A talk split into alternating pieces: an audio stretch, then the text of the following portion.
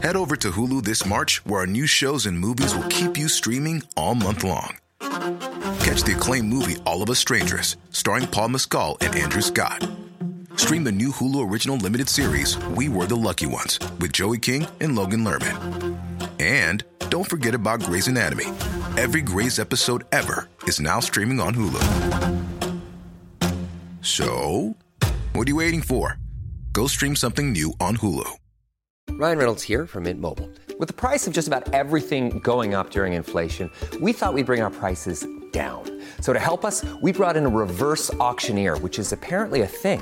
Mint Mobile unlimited premium wireless. Ready to get 30, 30, bit to get 30, bit to get 20, 20, 20, bit to get 20, 20, bit to get 15, 15, 15, 15 just 15 bucks a month. So, Give it a try at mintmobile.com slash switch. $45 upfront for three months plus taxes and fees. Promo rate for new customers for limited time. Unlimited more than 40 gigabytes per month. Slows. Full terms at mintmobile.com.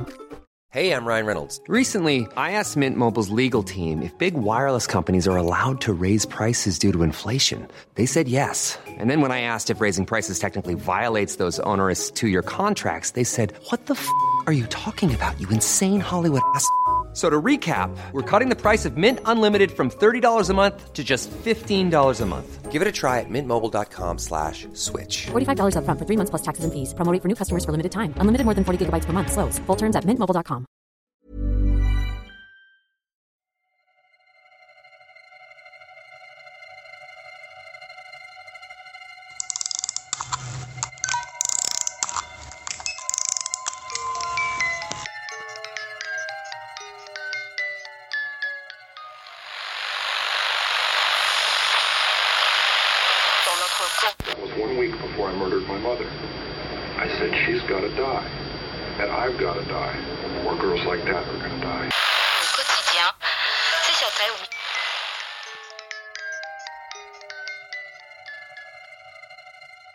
Hej och välkomna till ännu ett avsnitt av Rysarstunden. Och det är ju jag som är Alexandra.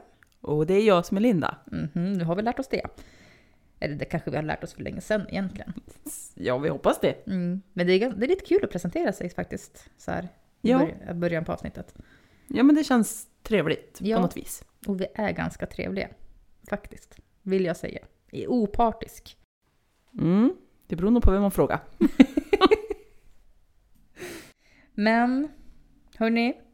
Snart är det Halloween. Mhm.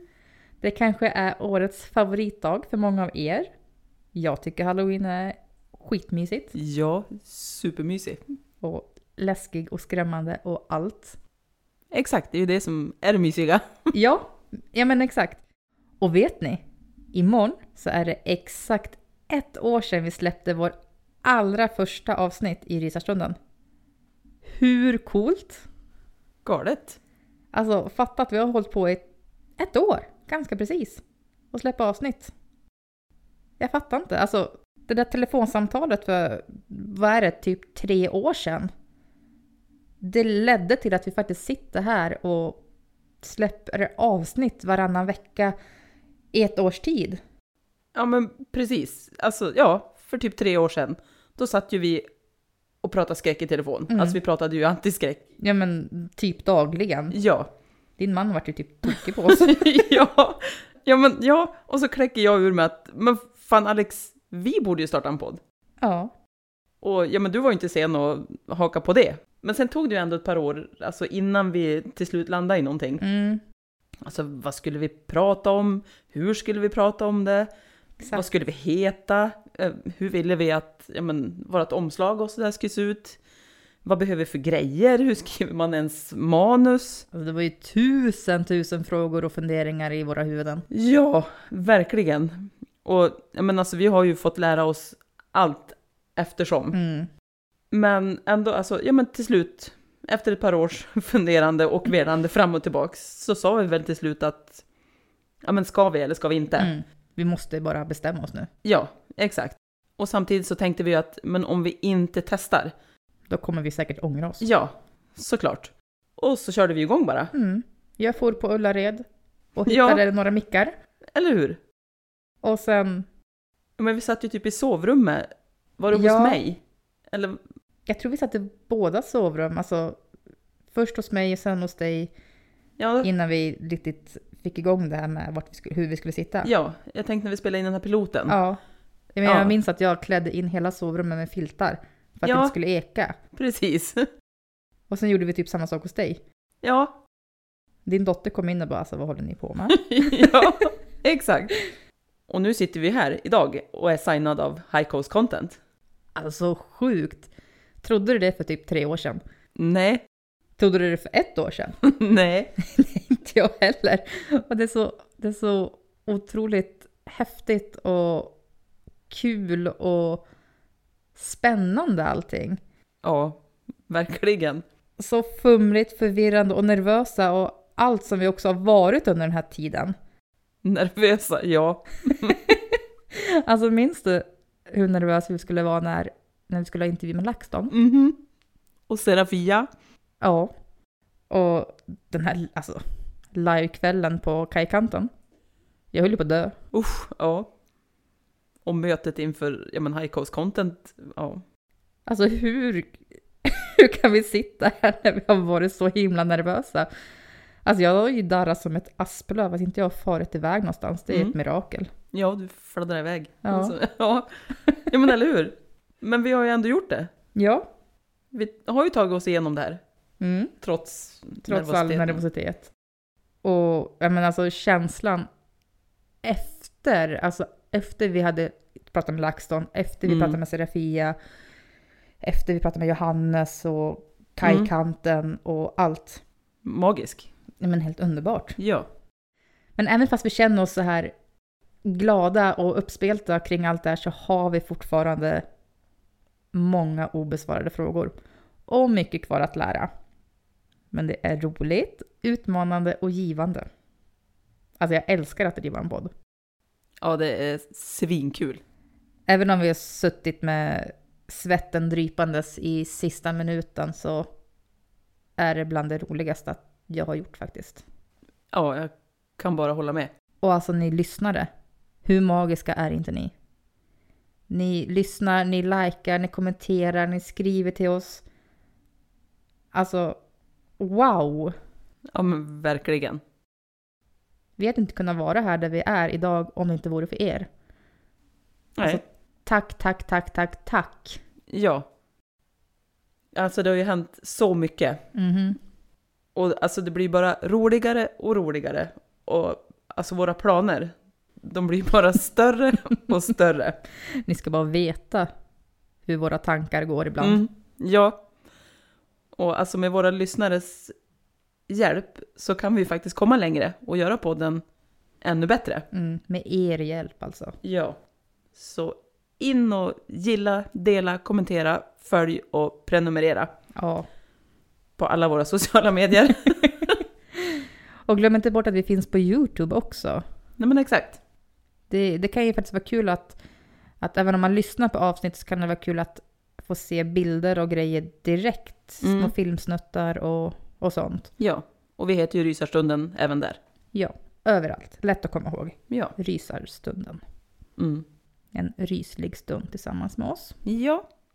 För vi, alltså vi blev verkligen så glada och tacksamma över Mm. all fin respons vi får av er lyssnare.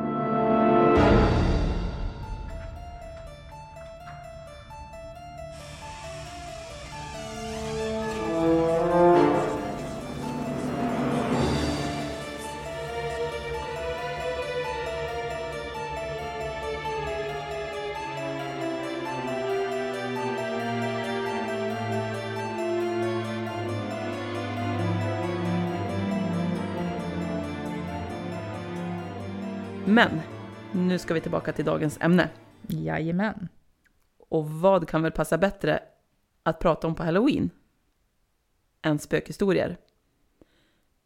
Men inte vilka spökhistorier som helst, för vi ska nämligen prata om ett ämne som är väldigt omtyckt och som många andra skräckpoddar också pratar mycket om, nämligen creepypasta.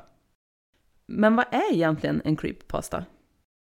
Själva ordet, det kommer ju från engelskans copy-paste, som betyder kopiera och klistra in.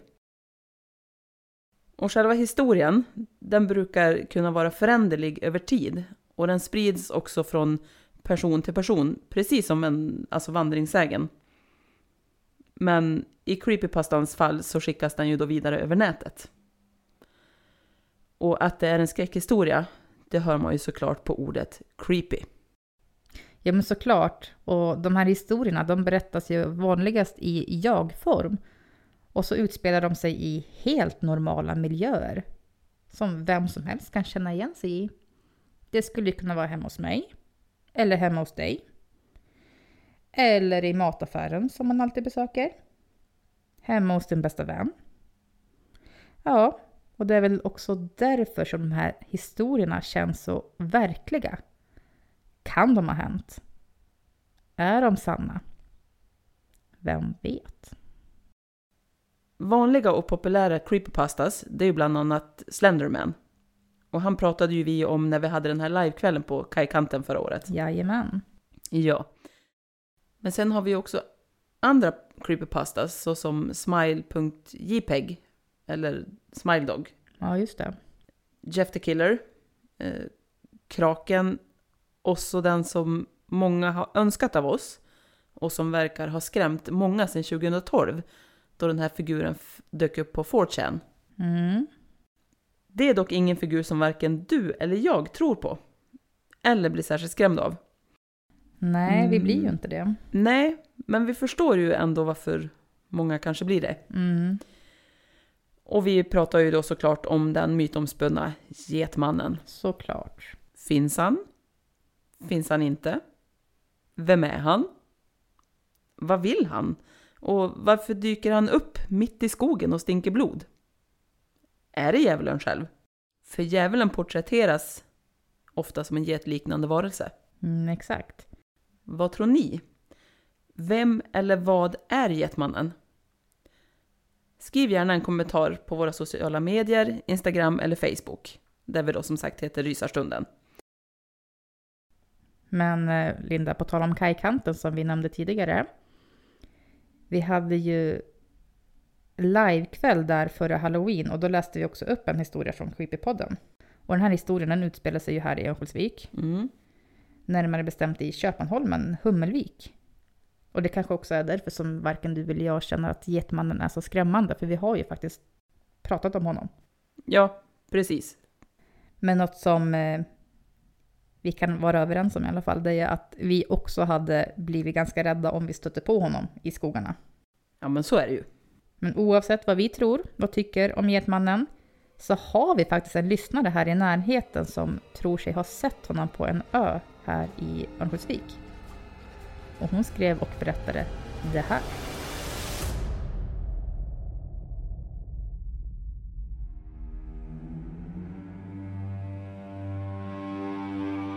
Mina föräldrar har stuga några mil utanför Örnsköldsvik. Och där har jag spenderat hela min barndom under somrarna. Mitt emot våran stuga så finns det en ö. Jag har aldrig tänkt att det har varit något märkligt med den ön tills vi tog båten över och gick i land. En solig sommardag för cirka 15 år sedan for jag, mina två systrar och våra föräldrar ut med båten.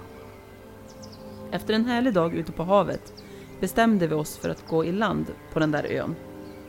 Vi började med att lägga till med båten, ta ett snabbt dopp i havet och sedan lägga oss i solen för att torka. Jag och mina systrar blev rastlösa av att ligga där i solen, så vi bestämde oss för att utforska skogen, som det mesta av ön bestod av. När vi hade gått en bit in i skogen och inte såg siktet av båten så tappade vi bort varandra. Jag trodde ju att de gick efter mig, men när jag tittade bakom mig var jag helt plötsligt ensam. Jag fick en olustig känsla och bestämde mig för att vända om och börja gå tillbaka samma väg som vi kom ifrån. Och då hörde jag som att en kvist gick av bakom mig. Jag tänkte naturligtvis att det var mina syskon som försökte skrämma mig, men de var inte där. Direkt efter så hörde jag något som viskade något otydligt och när jag snabbt vände mig om för att titta skymtade jag en bit bort en stor varelse, som en stor älg. Fast den stod inte på fyra ben, den stod på två ben, som en människa. Men det var inte en människa, för den var omänskligt stor och hade inte ett människohuvud. Det såg mer ut som ett älghuvud, eller en get. Jag frös i is en stund och sen sprang jag det snabbaste jag kunde genom skogen och tillbaka till mina föräldrar, båten och mina syskon.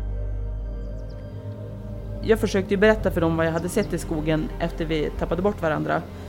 Men de skrattade och trodde inte på mig. När mina syskon hade insett att de, vi hade tappat bort varandra så gick de tillbaka samma väg.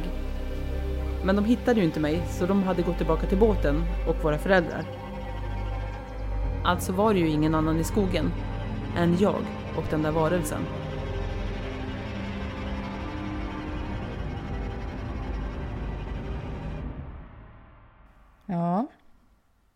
Vad kan det ha varit där i skogen? Det låter ju väldigt lik historierna som man har hört om Getmannen. Det gör det. Kan det ha varit han som våran lyssnare träffade på där inne i skogen? På den där fina, lugna ön som de besökte. Ja, vem vet? Men nog pratat om Getmannen nu tycker jag. Det tycker jag med. Och apropå alltså Creepypodden och Creepypastas som vi nämnde att vi hade hämtat en historia ifrån då vi var på kajkanten. Idag har vi ju faktiskt med oss en gäst Mm. ifrån Creepypodden. Och det är ju ingen mindre än självaste Jack Werner. Varmt välkommen till Rysarstunden Jack. Vi tänkte att du kunde få börja med att presentera dig.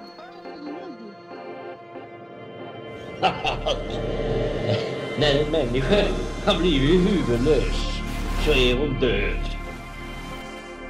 Jag heter Jack Werner och är frilansjournalist. Eh, sen 2014 ungefär så har jag hållit på delvis med källkritik, delvis med spökhistorier på sociala medier. Eh, byggde på att jag 2014 dels var med och lanserade något som heter Viralgranskaren, en satsning på källkritik på sociala medier. Men också att jag samma år kom ut med min första bok som hette Creepypasta spökhistoria från internet. Eh, och den boken blev sen året därpå omsatt i en Sveriges Radio-podd som heter Creepypodden. Eh, och sen vid sidan av det så har jag gjort lite annat också, lite non-P3-dokumentärer, lite podd-dokumentärer av olika slag. Eh, senast i maj kom jag ut med en till bok, eh, en, min tredje, så att säga, eh, eller fjärde beroende på hur man räknar, egna bok eh, som heter Ormen Friske och handlar om ett eh, vikingaskepp som sjönk under märkliga omständigheter 1950. Väldigt bortglömd händelse som icke desto mindre väldigt intressant. Okej, spännande. Mm. Mm. Jag är väldigt ny- nyfiken på att läsa den. Jag har sett den dyka upp i mitt flöde lite här och där. Så. Mhm. Jag ska Ja, ta tag i och läsa. eh, Det är något helt annat än spökhistorier, men det är, Ja. men, men det är en historia som jag, jag har gått igång på, man säger då, och lagt ganska lång tid på att försöka förstå. Ja, Ja, spännande. verkligen. Men eh, när du startade Creepypodden, alltså hur, hur gick tankarna på, från boken nu då till podd? Alltså hur, hur gick de tankarna? Det var en ganska rak översättning från början, kan man säga. Eh, Det var inte jag som hade idén, utan det var en som heter Caroline Poron som jobbar på Sveriges Radio. Eh, hon föreslog, eh, efter att jag hade varit med i Morgonpasset i P3 några gånger eh, och pratat om de här ämnena, ämnet spökhistorier på sociala medier. Eh, och hon hade liksom reflekterat över att när jag var med och berättade de historierna så hände det ganska ofta att folk skickade in sina egna historier till radion. Liksom. Okej. Och hon identifierade väl det där som en typ av, alltså när, det, när det finns sån, när, när lyssnare interagerar med en på det sättet, då, då finns det, bedöm, bedömde hon, skulle jag tro, ett intresse som liksom tyder på att här kanske man kan bygga något. Mm. Eh, och det här var under en tid när poddmediet var, det var inte, så här, det var inte nytt, liksom. det, hade, det fanns ett antal ganska etablerade poddar, men det var i en sorts tillväxt, tidig tillväxtfas. Sveriges Radio hade liksom en innovatörsanda där de, där de s- startade hur mycket poddar som helst och bara var så här, vi får se om det funkar. Typ. Och funkade det så var det, fortsatte de med dem, funkade det inte så ballade man ner dem. Mm. Så att, om jag minns rätt fanns det vid den här tidpunkten typ tre olika poddar om hundar, liksom, Ja, hundpoddar, bara på Sveriges Radio. Ja, Och häst, hästpoddar och skit. Alltså ni vet, det var sån liksom, hade så bred eh, flora av poddar där. mm. Så då föreslog hon att man skulle kunna liksom bygga något på, eh, på boken. Eh, och det var ju då från början en ganska, eh, vad ska man kalla det, eh, texttrogen tolkning. Alltså att det blev verkligen en, en, en, eh, de första fem avsnitten, eller nej, de, de första möjligen första tio, nu minns jag inte riktigt, men, men någon utav, alltså de allra första avsnitten byggdes verkligen på att så här, okay, men vi har de här historierna, vi har den historien, vi har den historien. Vi lägger den i det avsnittet, den i det avsnittet. Och de kom liksom allihopa, om inte direkt ur boken, så eh, ur, ur den floran som jag hade arbetat upp under arbetet med boken. Mm. Eh, och sen ganska tidigt där, eh, jag tror att ganska tidigt så, så, så kändes det som att lyssnarantalet fanns, att det, var så här, det fanns ett uppenbart intresse. Men för mig var en av de också avgörande första tecknen på att det här kanske är något, det var att lyssnare började skicka in sina egna historier även där. Mm. Eh, att jag liksom fick den här, att det, att det faktiskt funkade att liksom på något sätt eh, eh bygga podden till hälften på lyssnarinteraktion. Mm. Eh, så där var det liksom en, för mig var det en ganska spännande, eh, ganska spännande tecken på att det fanns något där. Det var just att lyssnarhistorierna började komma in. Mm. Så det var ungefär, och det var i hösten då, från och med juli, jag är ganska säker på juli 2015 och fram till eh, ja, senare den hösten. Mm, Mm. Som de första tio avsnitten gick och sen efter det så fick vi en beställning på jag tror 35 Hey, I'm Ryan Reynolds. At Mint Mobile, we like to do the opposite of what Big Wireless does. They charge you a lot, we charge you a little. So naturally, when they announced they'd be raising their prices due to inflation, we decided to deflate our prices due to not hating you. That's right. We're cutting the price of Mint Unlimited from $30 a month to just $15 a month. Give it a try at mintmobile.com slash switch. $45 upfront for three months plus taxes and fees. Promo rate for new customers for limited time. Unlimited more than 40 gigabytes per month. Slows. Full terms at mintmobile.com.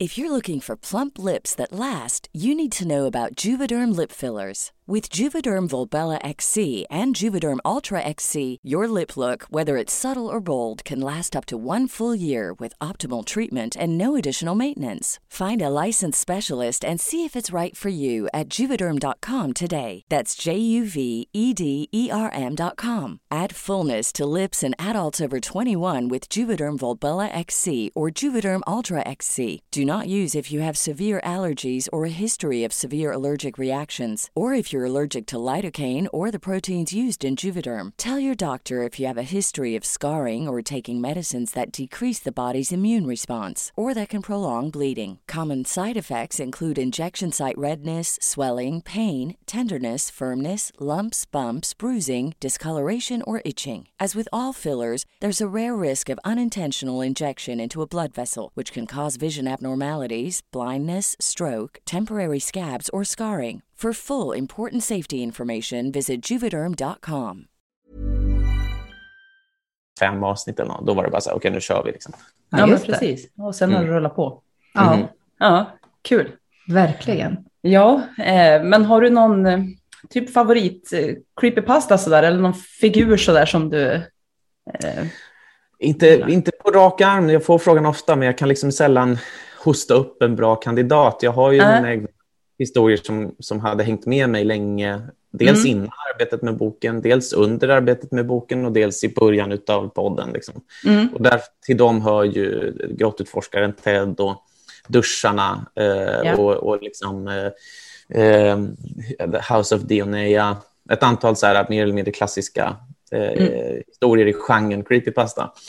Men sen så tycker jag att det som det för mig bland det häftigaste har varit att också kunna vara med och om inte bygga karriärer så åtminstone på sätt och vis ge en, av, liksom en plattform att ta avstamp i för människor som håller på med att skriva. Och då Mm. tänker jag på typ eh, Lars Langgren som under liksom, namnet anonym författare eh, eller anonym lyssnare mm, publicerade sina första historier i Creepypodden. Gåvan, Gröntjärn, Kalvstigssamlingen, de där historierna. Just det. just det. Ehm, men också sånt som Micke Strömberg som ehm, har liksom eh, haft eh, också så här, hans historier har verkligen mött lyssnare som tycker om dem i just Creepypodden. Mm. Ehm, och, och det är väl, för att inte tala om eh, Erik Å också, vars, eh, vars eh, historier om, om Norrland, eh, Lappland, eh, tallarna på Suppasvära och eh, de där historierna. De, de liksom på, på, på något sätt är det som att ha kunnat vara en plattform för den typen av svensk skräck. Mm. Ehm, och det är väl kanske det jag liksom sammantaget värdesätter högst. Ja, Eller menar, det är, i alla fall när det kommer till att liksom bygga en plattform. Sen tycker jag att en annan så här, drömgrej är ju också att vara en plattform för icke-kända svenska eh, författare. Mm. Alltså människor som inte har en, kanske inte ens har planer på att bli utgiven med någon bok, eh, kanske inte ens har den ambitionen, men som ändå har satt sig ner och skrivit ner en historia som Mm. visar sig ha en hel mängd olika kvaliteter som, som jag har kunnat liksom få berätta. Mm. Ja. Eh, Jag kan jämföra lite med liksom att för ett antal decennier sedan så kunde man liksom skicka in historier till veckotidningar. Mm. Och det var på den tiden när veckotidningar var stora, att det var verkligen 100, 150, 200 000 som läste dem. Liksom. Mm. Eh, idag är det inte riktigt så längre med veckotidningar. De har inte samma läsekrets. Nej. Men, men Creepypodden har 160 000 läs- lyssnare i veckan. Eh, och just den grejen att kunna så här, ta någons berättelse och liksom pitcha den för så mycket människor på en och samma gång, det är ju en sorts lyx Mm. och en sorts ynnest. Liksom. Mm. Ehm, så att det, jag har liksom inte riktigt någon sån här i, i sig avgjord favorit som jag, som jag har pekat ut som nummer ett. Men, Nej. utan det är snarare den här liksom breda uppsättningen med möjligheter som finns Ja. i, i och med att ha den här podden. Mm. Vi fattar. Mm. Mm. Mm. Men vad tror du, alltså, vad är det som gör creepypastas stora? Alltså, vad är, vad är tjusningen i just creepypastas? Mm. Kan man säga så? Ja, alltså det är väl inte minst att det finns en, eh, vad ska man kalla det, eh, organiskt, framar, liksom organiskt framvuxen stilistik i dem. De är ju ofta jag-berättade. Eh, de är ofta vardagsnära.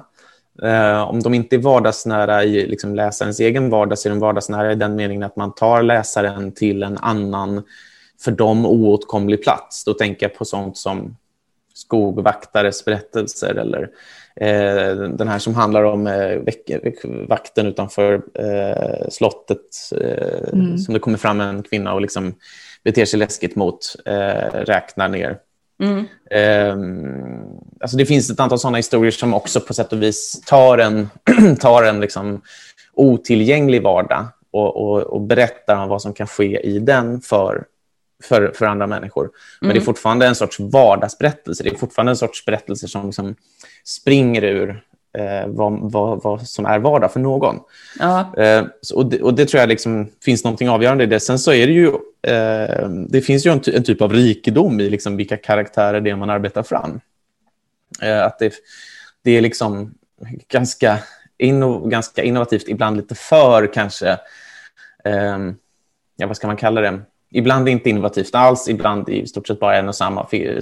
En figur man har läst om tusen gånger förut som, eh, jag vet inte, någon eh, figur, liksom en svart figur som kom och eh, tist, log brett. Alltså ni vet, det finns ju ett Ja. antal klyschor liksom, även i den här genren. Men ibland eh, ibland liksom faktiskt nyskapande. Eh, Det finns en historia som jag nyligen hade med som handlar om en man vars fru börjar bete sig konstigt eh, mot honom, eh, som varit ganska omtyckt. Mm. Och där är det liksom, det är en historia som inte riktigt bemödar sig så mycket med att förklara varför någonting händer, utan som just bara försätter en i den här märkliga situationen utifrån vardagen. Då. Mm. Ehm, så det är det där vardagsnära och det är det där liksom ganska eh, pang på. Eh, Ja. Inte att man bygger upp, inte att man liksom lägger särskilt mycket tid på stilistik eller på att liksom, eh, ja, själva skrivandet som, som hantverk, utan det är liksom rätt så eh, hands-on. Mm. Ehm, och sen så är det ju det där liksom det där lite tveeggade med att bygga upp figurer också på ett annat sätt. Alltså om vi tittar på sånt som Getmannen, ehm, som, som är då en, ja, en av de kanske mest omtyckta figurerna liksom, i den här genren, Mm. så är det så att de första historierna som dyker upp om den figuren är ju jävligt fascinerande. Man blir ju fascinerad av Getmannen. Mm. Liksom. Ja. Vad är det här för figur?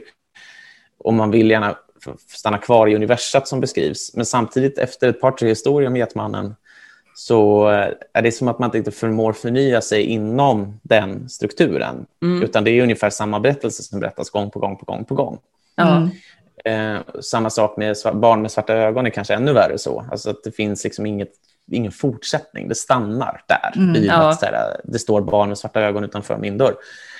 Um, Slenderman är också så. Och där, där, där finns det också någonting annat som är just att den här genren är kanske bättre på att ta fram figurer än att producera berättelser om de figurerna. Mm, mm. Eh, figurerna liksom är mer fantasieggande än, än historierna runt figurerna kan vara. Mm. Ja, det. så det finns en, och det är väl kanske också, jag menar på sätt och vis, så här, creepypastan undviker ju ganska många klassiska kända skräckfigurer. Vi har inte så mycket vampyrer, liksom. vi har inte så mycket Nej. zombies, vi har inte så mycket det finns liksom Wendigo, det finns lite, så här, lite sånt, men, men ni vet de här klassiska, lite Ja. mer folk, folktrosmässiga historierna, de, Mm. eller figurerna, de är liksom inte med riktigt. Ja, just det. Eh, Nej, det är sant. så där, och, och även om där hade effekten varit ungefär densamma, så att man hade just varit så här spännande, spännande figur, med, men det går inte att bygga fler berättelser kring den. Liksom. Nej. Så att det, det, jag tror att det, alltså, dels, dels någon, finns det säkert någonting där, men sen så tror jag också att det finns något i att det är liksom bara genuint läskiga figurer i genuint läskiga situationer eh, i liksom eh, eh, där, som följer någon sorts grundläggande uppsättning regler för vad som krävs för att, för att det ska vara, det ska vara liksom, eh, kusligt och spännande. Mm. Men det är lite, det där är, jag har jobbat länge med det här nu och eh, jag är fortfarande inte alldeles säker på vad det är som gör en bra skräckhistoria. Eh, jag blir förvånad eh, ofta liksom, i vad jag, Ja. vad jag tycker är bra och sen gentemot vad andra människor säger att de gillar. Liksom. Ja, just Ja, det. just det. Mm. Blir du själv rädd? Alltså typ när du läser historier som du ska... Inte jätteofta, ska jag säga. Inte jätteofta, nej. Nej, jag kan, jag kan bli, vad ska man kalla det, jag kan bli liksom uppslukad av, av stämningar, jag kan bli, eh, Mm. ta, alltså jag kan bli eh, imponerad eller liksom eh, investerad i scener. Mm, mm. Eh, enskilda bilder kan liksom imponera på mig. Att så här, eh, bilden av ett ansikte i ett fönster, Mm. alltså om den är tillräckligt snyggt tecknad så kan jag verkligen fortfarande så kan jag känna så här, wow, där, det där var något. Ja. Men det är ganska sällan jag sitter och känner den här liksom, Eh, pulsen rusa. Mm. Eh, och det handlar ju säkert delvis också om att jag läser de här historierna på ett kan man säga, instrumentellt sätt. Ja. Alltså jag, lä jag läser ju ofta historier för att veta, är det här någonting jag kan använda mig av i så fall? Hur? Mm. Vad, liksom, är det bra, är det inte bra? Ja, så det är den, det är liksom det. Ja, man, man, man, man, Andra man slutar, lä Mm. ja, precis. man slutar Ja. läsa för, för att själv känna någonting. Liksom. Den lyxen har jag inte riktigt. Nej. Eh, Men har du alltid varit intresserad av typ skräck och sådana där bitar? Eller? Är inte riktigt. Alltså, i- jag skulle säga lika mycket som, som, som, som, som de flesta andra. Ja. Eh, när jag var tonåring så, eh, så läste jag en del så här, mm, vad, man, vad man kan säga är liksom, vad den tidens... Jag är född 89, så att när jag var kanske 12, 13 liksom, talar vi om nu. Och det är ju då 2001, 2002 ungefär Mm. Då var, jag hade liksom inte riktigt samma till, så mycket tillgång till internet eh, och då blev det då, då liksom läste jag istället en typ av böcker som kunde heta så här, Det oförklarliga kunde bokserien heta, så kunde det så här, vara en illustrerad vetenskapartad bok om, om kusligheter i största allmänhet. Mm. Ehm, samlingar av liksom semidokumentära fall av övernaturligheter. Och det, det är väl någon sorts parallell till vår tids true crime Mm. och liksom mystikpods eh, sfär. Att det är Mm. ungefär samma så här, eh, ett mått av tuggande, idisslande av liksom kända fall som, som, som, som fortsätter fascinera oss. Mm. Ehm, och det var väl det liksom jag läste mycket om när jag var i den åldern, att jag kände det här är liksom spännande och där kunde jag liksom bli uppenbart fascinerad. Mm. Men, men, men skräck som sådan, det var inte så att genren i sig, liksom, jag var inte mer upptagen av den genren än Nej. någon annan bokgenre. Liksom. Mm. Men sen läste jag väldigt mycket Bengt af Klintberg. Det gjorde jag. Och det är alltså Okej. den kä- kända vandringssägen, samlaren och folkloristen Bengt af Klintberg som Mm. skrivit Rå- Råttan i pizzan, Den stulna njuren och Glitterspray eh, bland m- många, många andra böcker. Men det där är hans tre böcker om, om moderna vandringssägner. Ja. Ehm, och för mig har ju det varit mer formativt. Eh, för det är ju Just de det. böckerna som har liksom format min syn på vårat berättande i vardagen. Ja. Ehm, och, den, och, och, vår- och, min syn, och, liksom, och, och, och det är det som har lett vidare till att jag är intresserad av varför vi berättar historier och vilka historier vi berättar och vad de kan säga om, om våra trosuppfattningar eller våra tabun eller våra idéer om vad som är sant eller vad vi är rädda för. Mm. Just det. Och det leder ju vidare till liksom, ja, men dels eh, viralgranskaren och faktagranskning på sociala medier eftersom att det, Mm. det man gör då är att titta på historierna vi berättar och sen så för att göra samhället någon sorts tjänst eller så så kanske man kollar är det sant eller inte. Men för mig är det i första hand intressant som just så här eh, folkloristisk eh, liksom, eh, artefakt. Att det är just så här, varför berättar vi den här historien? Varför, varför, vad betyder den för oss? Vad är liksom poängen med detta? Ja. Eh, och det är det, liksom dels eh, det och sen så är det eh, spökhistorierna som ju på samma sätt fungerar som eh, ja, folkloristisk, liksom, eh, en skildring av våran folksjäl på något sätt. Mm, mm. Så att det är ju mer Bengt af Klintberg än liksom skräckgenren Just det. som har, som, som har varit viktig för mig där. Mm. Förstår. Ja. Mm. Men om vi håller oss inne på skräck, alltså finns det Mm. någonting som, som skrämmer dig, alltså som du är rädd för? Eh, Jag brukar säga ensamhet. Ehm, jag, tycker, jag, jag, jag, är liksom, jag, jag är rädd för att bli ensam själv. Ehm, sen har jag ganska nyligen blivit förälder, eller jag har en son som är snart två. Eh, och eh, vad som händer, vad som hänt då är ju att jag har blivit mer och mer liksom, vad skulle man kalla det, öppen för den eh, emotionella betydelsen av eh, barn som far illa. Förut så har jag Mm. kanske varit mer liksom, intellektuellt mottaglig för, för, för det, men, men eh, föräldraskapet har också gjort mig mer emotionellt mottaglig för det. Mm. mm. Eh, och jag har nu på sistone märkt det även. Jag, typ, men jag såg trailern för den här filmen de har gjort baserad på, på Västfronten, Inte ett nytt av eh, Erich Maria eh, Remarque. Och eh, den är ju, eh, handlar ju liksom om skyttegravarna i första världskriget. Och Mm. då är det många unga killar som ligger i skyttegravar och så dör de i stora mängder i trailern. Och jag liksom kom på mig själv med att få ungefär samma så här, nej, inte små killarna, som jag kan få när jag liksom hör om barn som far illa. Ja. Så tydligen, ja. Ty- Tydligen har min mesighet nu utökats till att omfatta eh, 18 till 25-åringar också. Eh, jag vet inte riktigt när det här ska ta slut, om jag ska sitta och liksom våndas över 40-åringar nästa gång ja, också. men precis. Men, men, så här, men Ja. det, det är ju liksom något som, som, som på ett annat sätt kan liksom ta tag i mig nu. Ja. Ehm, sen så är det liksom, även där skulle jag säga att jag är rädd ungefär som, som andra människor är. Att Mm. eh, dyker upp ett jävla, en, en, en nuna i liksom fönstret i mörkret, det är klart som fan jag kommer rycka till. Ja. Eh, hör, hör jag ett märkligt ljud någon annanstans ifrån i lägenheten, det är klart jag kommer rycka till. Liksom. Mm. Eh, precis. men jag har inte, men jag har inte, eh, inte heller där har jag liksom någon sådär enskild eh, skräckbild. Eh, inte som min, när, när min lillebror var liten, då fanns det liksom en bok, eh, klassisk sån här Jag blev kidnappad av aliens-bok. Mm. En, en person som påstår sig ha varit med om det och skrivit en bok om det. Mm. Och omslaget föreställde liksom en sån här klassisk alien huvud, eh, Ja. gult, eh, liksom halv semi-ovalt, Mm. eh, med de här stora ögonen och liksom lilla munnen. Eh, och den var ju han så förskräckt för att han liksom inte ens kunde se den. Det. Eh, den boken liksom fick inte finnas i närheten, Nej. för det var det värsta han kunde se, tänka sig. Ja. Eh, och den rädslan finns inte riktigt. Det är liksom, jag vet att andra människor har den, men den rädslan finns inte riktigt hos mig. Nej, För någonting enskilt. Liksom. så kan det ju vara. Ja. Eh, Jag ska se ljudet här. vad sa du? Så, ursäkta. eh, men tror du på det paranormala? Om man säger, tror du på spöken och sådär? Jag brukar säga att jag är öppen för att bli övertygad. Öppen för att Ehm, bli övertygad, ja. ja. Mm, av, av eh, liksom, eh, egna... Av, om, om det skulle ske mig något ja. eh, så skulle jag inte liksom... ehm, ja, jag är öppen för att det skulle kunna ske, så att säga. Men jag har inte någon upplevelse som än så länge har sagt mig att eh, det finns anledning att omvärdera. Eh, påfallande ofta finns det naturliga förklaringar. Liksom.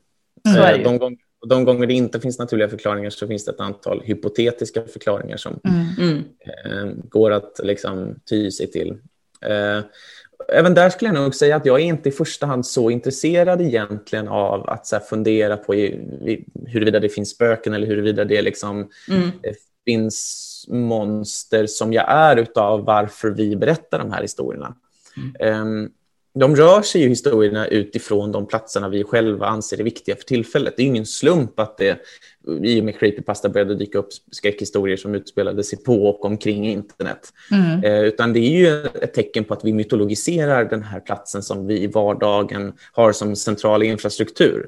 Mm. Eh, och det har en massa olika förklaringar. En av det är att vi liksom föreställer oss även i- icke, eh, vad ska vi kalla det, icke-rumsliga platser som internet, som rum. Och med det Mm. menar jag att vi pratar om det som chattrum och vi pratar om det som liksom, kommunikationskanaler. Vi talar i rumsbegrepp när vi talar om internet. Mm.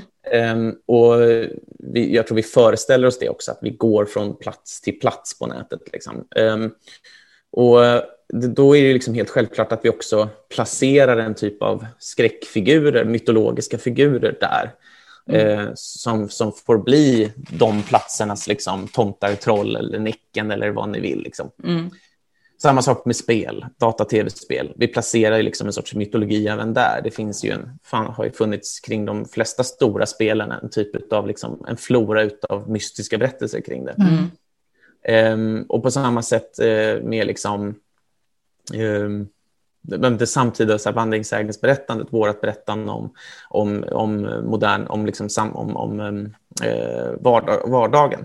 Det är liksom historier som på olika sätt används för att uttrycka våra åsikter, uttrycka våra, våra, vad vi fruktar, eh, skildra våra villkor. Liksom. Mm. Och det är vad jag tittar efter. Liksom. Så att jag har inte själv egentligen... Drivkraften är liksom inte riktigt huruvida att jag, att jag sitter och grunnar på så här, oh, kan det här ha hänt eller, eh, eller finns det spöken? Utan det är liksom i betydligt högre grad det här, aha, nu, nu är vi rädda för det här. Varför Mm. är vi det? Det, måste, Mm. liksom, det finns ett skäl till det.